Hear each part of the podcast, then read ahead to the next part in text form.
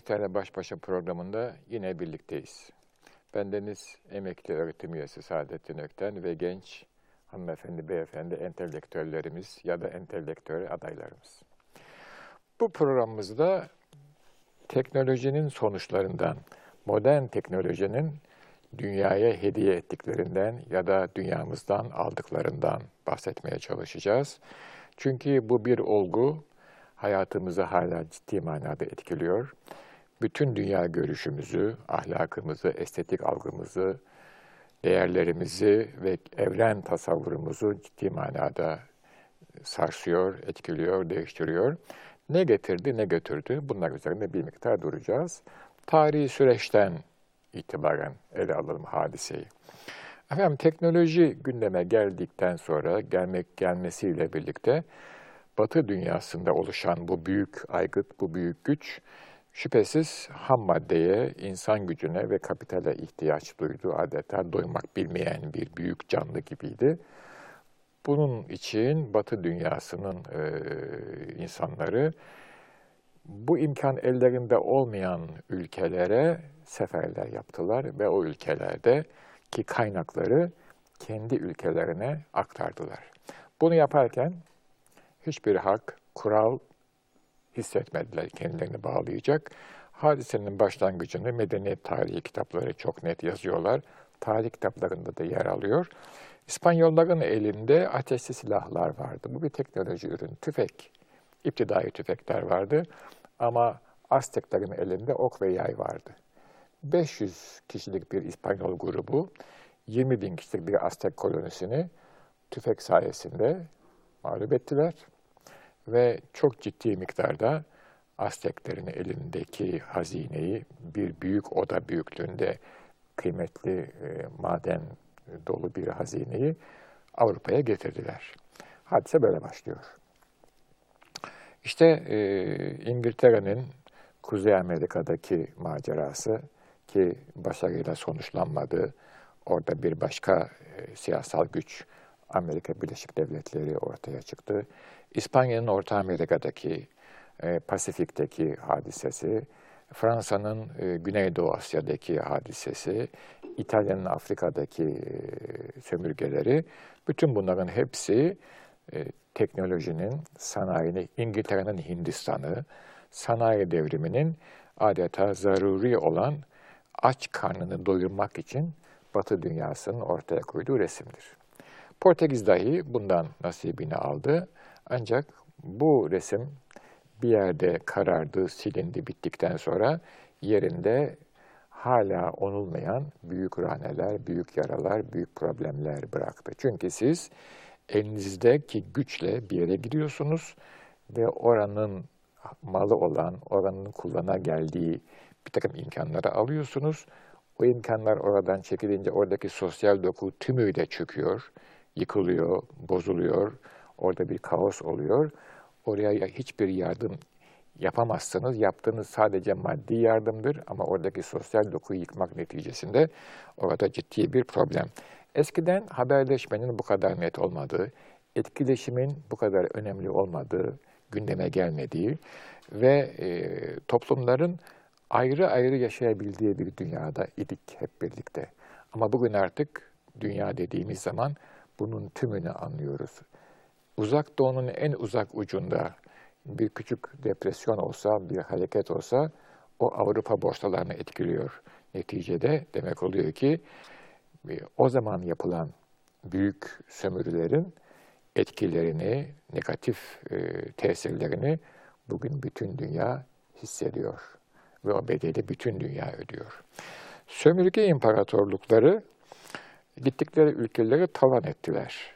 Buradaki yapıyı yıktılar ama kendilerinde de ahlaki bir yozlaşma oldu. Ahlaki bir çöküntü oldu. Neden?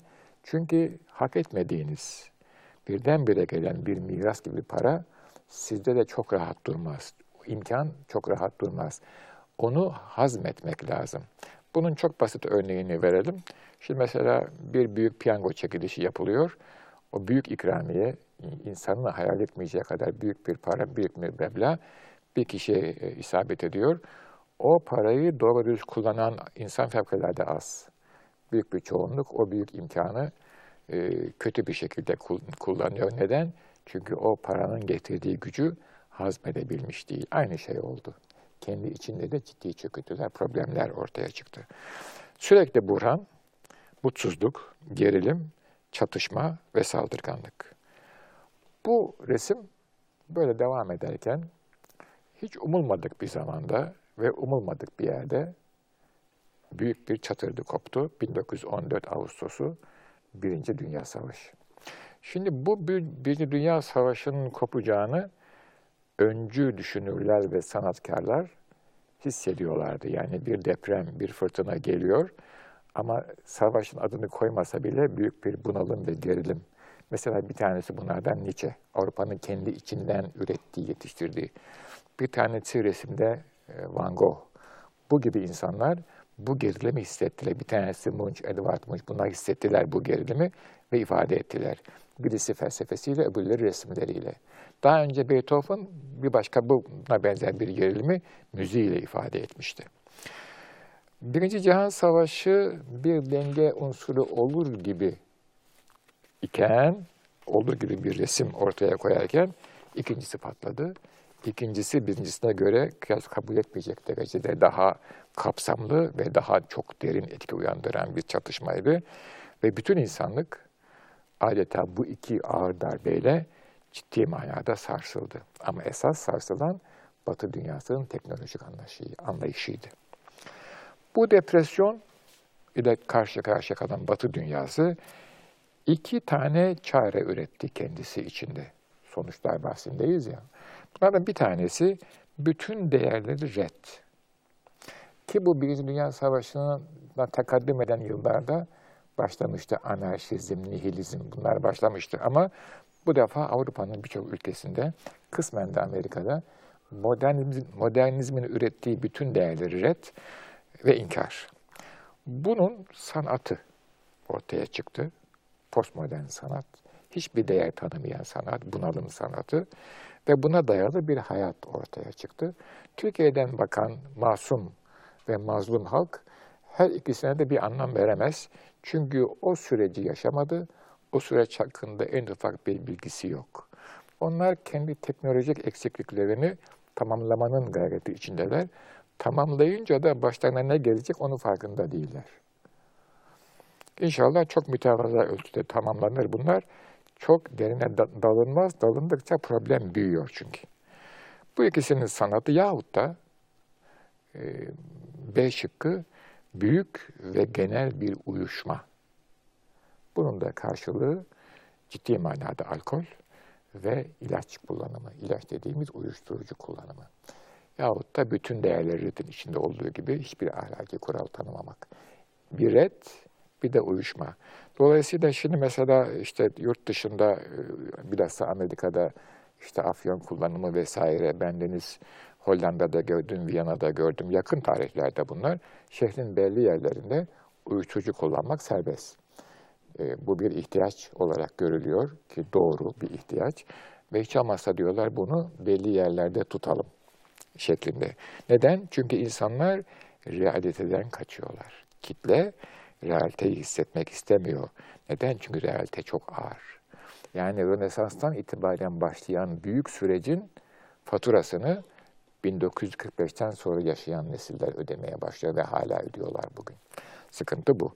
Birinci saf sınıftaki insanlar yani büyük bir depresyona her şeyi reddederek çare bulmaya çalışan insanların sayısı çok az.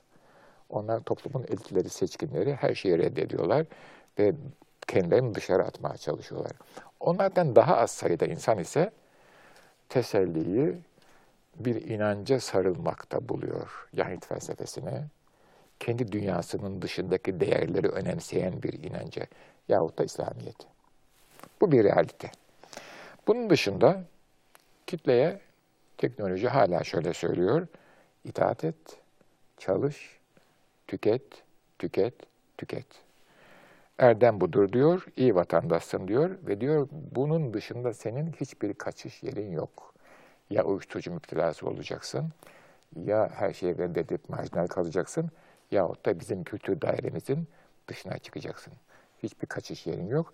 kitle de ezilmekten kurtulmak için hala bu çizgi peşinde.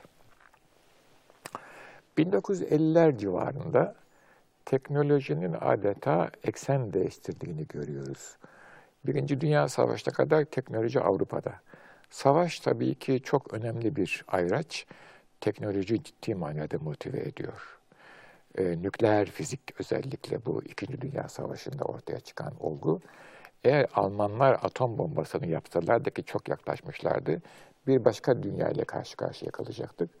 Amerikalılar yaptığı için farklı bir dünyaya karşı karşıya kaldık. Dolayısıyla İkinci Dünya Savaşı'ndan sonra 50'den sonra teknoloji eksen değiştirdi ve Amerika'ya geçti. Ve hızlandı. Çünkü gördüler ki üretim hızlandırmazsanız e, yaşamanız, durmanız mümkün değil. Ben ister istemez onu yapmak zorunda kalıyor. Yavaş bir hayat olunca makas kapanıyor. Üretim hızlandırmanız lazım. Beni motive etmeniz lazım. Üretim hızlanınca mutlaka tüketimin hızlanması gerekiyor. O halde tüketime hızlandırılmak için çok çabuk tüketim ahlaki bir değer olmalı. Bugün mesela cep telefonları bahsini Türkiye'de açarsak bunu çok net görüyoruz. Cep telefonu e, tüketmek, almak ve çok çabuk değiştirmek e, bir erdem, bir üstünlük, bir güzellik, bir e, fazilet gibi algılanmaya başladı. Ona birçok fonksiyon koyuyorlar ama ben gözlemlediğim insanların yüzde 95'i o fonksiyonları ne kullanabiliyor ne de biliyor, ne de bilmesi mümkün. Yani e, adaptasyon itibariyle. Gençlerin bir kısmı belki biliyor, büyük bir kısmı da sadece bak neler var diyor. Zaten gerekmiyor da. Yaşadığı hayat o fonksiyonların kullanılmasına için icap etmiyor. Demek ki bir defa çok tüketim için ahlaki bir kriter konması lazım, özendirmek için. Ee, ondan sonra e, yeni ihtiyaç alanlarının yaratılması lazım. Eskiden ihtiyaç olmayan şeylerin ihtiyaç haline getirilmesi lazım. Bunun için de yani e, burada bilmem söylemek doğru olur mu? İnsanın en temel içgüdüsü olan cinselliğin çok ön plana çıkarılması gerekiyor. Bu ön plana çıkarılmaz yeni ihtiyaç alanı yaratamazsınız. Dolayısıyla bu ihtiyaç alanlarıyla beraber bunların mantıki ve zaruri olması gerekli değil. Bunlara öyle bir değer yüklersiniz ki reklamla özellikle sanal bir dünyada insanlar bunlar olmazsa ben yaşayamam zannederler ve yeni ihtiyaç alanları ortaya koyarlar. Mesela bisküvi reklamları çok masum bir örnek veriyorum. Ee, bisküvi belirli bir şey, iki defa pişen bir kurabiye. Herkes evinde de yapabilir, yapmayabilir de. Ama aynı şey bu. Çikolatalı, fındıklı, fıstıklı, markası değişir, şeyi değişir, reklamı değişir. Şimdi o reklamlara baktığınız zaman yeni bir ürünle karşı karşıya kalacağım zannediyor. Halbuki aynı şey. Biçimi değişiyor, Formatı değişiyor, reklamı değişiyor, ambalajı değişiyor. Aynı ürün. Bu sanal bir dünya. Ama bu sanal dünya üniversite talebeleri üzerinden, çocuklar üzerinden, alamayanlar üzerinden dahi silindir gibi geçmekte. Eskiden yani benim yetiştiğim dönemlerde bizim toplumumuzda zembil içindekini sen bil derlerdi. Neden? Alamayan olur. Hamile kadın olur. Çocuk olur imrenir, hastalanır, olmaz, gözü kalır. Gözü kaldığı şeyi sen yersen hasta olursun. Bunun mantıksal bir ifade e, şeyi var mı? Açıklaması yok. Ama bu bir realite. Ona çok dikkat ederlerdi. Şimdi tam tersi hiçbir kural tanımadan, bakın çok masum bir şey, sucuk reklamıyla, e, bisküvi reklamıyla bütün kitle adeta etki manyetize ediliyor, etki alanı altına alınıyor. Neden? Yeni bir ihtiyaç. Ekmeğe salça sürseniz, tereyağı sürseniz, biraz reçel dökseniz pekala sizi besler hem daha sağlıklı. Hayır yet yetmez. Çünkü o evsel bir tüketim. Hele ekmeği evde yapıyorsanız o fevkalade sağlıklı. Ha bu köylerde yapılıyor, şimdi şehirde de yapıyorlar. Organik un. Ama binlerce tür ürün o zaman olmayacak. Neticede demek ki yeni ihtiyaç ve bir ahlak üretiyor. Sonuç bu. Bu sonuçta ne oluyor? Bu sonuçta insanların vakti ve parası ve enerjisi e, eften püften şeyleri annem öyle derdi, sarf eder, gidiyor. Esas hikmete, ilme, fazilete, güzel ahlaka, sanata sarf edecek ne vakti kalıyor, ne imkanı kalıyor, ne parası kalıyor. Zaten modernite ve modern teknoloji de insanların bireysel olarak var olmasını istemiyor. Düşünme diyor. Ben senin yerine düşünürüm. Sanata merak etme. Senin estetik ihtiyacını ben sağlarım. Felsefe yapmaya gerek yok. Ben o senin tefekkür noktada ne kitabı okuyacağını, kimleri dinleyeceğini, nasıl etkileneceğini ben tanımlarım. Sen ne yap? Sen sadece çalış, üret ve tüket diyor. Böyle bir dünyada yaşıyoruz. Bunun ahlakı var, estetiği var ve e, elektronik bir dünyada yaşıyoruz şu çağda son 10 yılda. Elektronik aletlere, ben ne olduğunu söylemiyorum, herkes biliyor. Ver, verilen paranın toplumsal ölçekte düşünüyorum. Bu aletlerden edilen istifadenin, efendim bilgi çok kolay erişiliyor, hiçbir itirazım olamaz. Peki bilgi kirliliğiyle bilgiyi bir karşılaştırın bakalım. Bir istatistik yapın kendiniz üzerinde. Ne kadar vaktiniz gidiyor e, malayaniye, havaiyata, ne kadar vaktiniz sarf ediyorsunuz ciddi bilgiye etkilenmeye. Bu rakamları karşı karşıya e, getirdiğiniz zaman ben yüzde yetmiş, yüzde otuza eyvallah diyeceğim. Yani mala yani yüzde yetmiş, ciddi bilgi yüzde otuz. Hiçbir itirazım olmayacak. Yani otuz üzerinden öğrenciyi geçireceğim. Ama yüzde doksan beş, yüzde beşe kabul edemem. Evet herkes önüne külahını koysun, düşünsün derim. Olayın bir de bu boyutu var. Hiç ihtiyacınız olmadığı halde adam size değişik model çıktı diye bu sırf Türkiye'de, Türkiye'de gene çok masumane yaşıyoruz. Ee, işte yine bir e, teknik market açılıyor, televizyon gösteriyor insanların nasıl birbirini yıktığını, yok ettiğini. Ben Türkiye'yi iyi kötü tanıyorsam o insanların aldığı malın bütün imkanlarının yüzde üçün, yüzde beşini ancak kullanacağı tahminindeyim. Genel olarak baktığım zaman. Ama bende şu da var demek çok önemli. Niye? Çünkü teknoloji ona bir ahlaki değer yüklemiştir. Evet efendim benim de bu teknolojinin sonuçları konusunda söyleyeceklerim burada bitti. Başlangıçta teknoloji ileri geçince, gündeme gelince, gündeme gelirken sahip olan ülkeler dünyada bir sömürge imparatorluğu devri başlattılar. Bu dönem İkinci Dünya Savaşı beraber sona erdi. 60'lara 70'lere kadar sürdü. Bugün hala bir şekilde çok uçları devam ediyor. Afrika üzerinde özellikle. Fakat bu e, sömürge döneminin bütün insanlığa bıraktığı maliyet henüz daha tamir edilmedi, telafi edilmedi. Kolay kolay da edilemez. 1950'den sonra teknoloji bir başka boyuta dönüştü. Tüketim boyutu büyük bir ölçüde gündeme geldi. Ee, bu da eskimeden, ihtiyaç çıkmadan yenilemek, hızlı tüketmek. Aksi halde o teknolojiyi elinde bulunduran ülkenin ve ülkeler grubunun makası açık tutması mümkün değildi. Ve bu defa buna bir ahlaki ve estetik boyut yükleyerek ihtiyacımız olmayan şeyleri aldırmaya ve eskimeyen şeyleri terk etmeye doğru zorlanan bir propaganda, bir değer e, yüklemesi altında bütün dünya ve tabii bizim toplumda. Evet efendim. Bir soru alabiliriz. Vaktimiz var. Buyurunuz. Hocam öncelikle hürmetler. Hocam konuşmanızda bahsettiğiniz üzere eski kıta ülkeleri teknolojileri sayesinde yeni kıta ülkelerini keşfedip buraları sömürgeleştiler. Evet. Benim sorum şu olacaktı hocam. Eski kıta ülkeleri yani bu olayın tam tersini yapabilmek için gerekli olan teknolojiyi neden sağlayamadılar? Benim sorum bu olacaktı. Yani e, dünyadaki teknoloji sahibi olan ülkeler e, var. Bir de olmayanlar var. Olmayanlar da niçin yok bu diyorsunuz. Bu bir zihniyet meselesi. Eğer siz dışa bakışı hayatta toplumsal ölçekte yani kendinizi her şeyden arındırıp ben iyiyim, mükemmelim, üstünüm, ön kabulüyle bütün enerjinizi dışarıya doğru dönüştürürseniz o zaman e, dış dünyada olan hakimiyetiniz ve tasarrufunuz artar.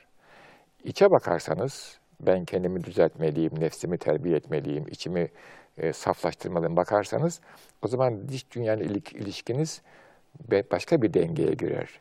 Batı dünyası e, Orta Çağ'ın işte biterken dışa baktı. İster istemez dışa baktı. Onun arka e, bir background'u var. O bakışın sonunda ben gündeme geldi, beni kabul etti artısı ve eksisiyle. Bu dışa bakışı da onda çok büyük bir güç ortaya koydu. Doğanın sırlarını keşfetti. Bu keşiften sonra ben diyen bir varlığın onu kullanmaması mümkün değildir. İşte teknoloji o kullanılmadır. O kullanmayı da tahakküme dönüştürmek gerekir. Çünkü ben diyorsunuz temelde dışa bakan, hayatı özümseyen, merkeze alan, Tanrı'yı değil, hayatı ve varlığınızı, nefsinizi merkeze alan bir insan varlığından toplumsal manada söz ediyorum. O varlık, elinde imkan var, güç var. Diyor ki ben yaşamak için, ben rahat etmek için, ben hakim olmak için bu gücü niye kullanmayayım diyor. Ama bu hadise İkinci Dünya Savaşı'ndan sonra çok ciddi şekilde sorgulandı. Benim söyleyeceklerim bu kadar. Efendim burada da bize ayrılan vaktin sonuna geldik. Aziz seyircilerimizi saygı, sevgi ve muhabbetle selamlıyorum. Ve Allah'a ısmarladık diyorum efendim. Hoşçakalınız.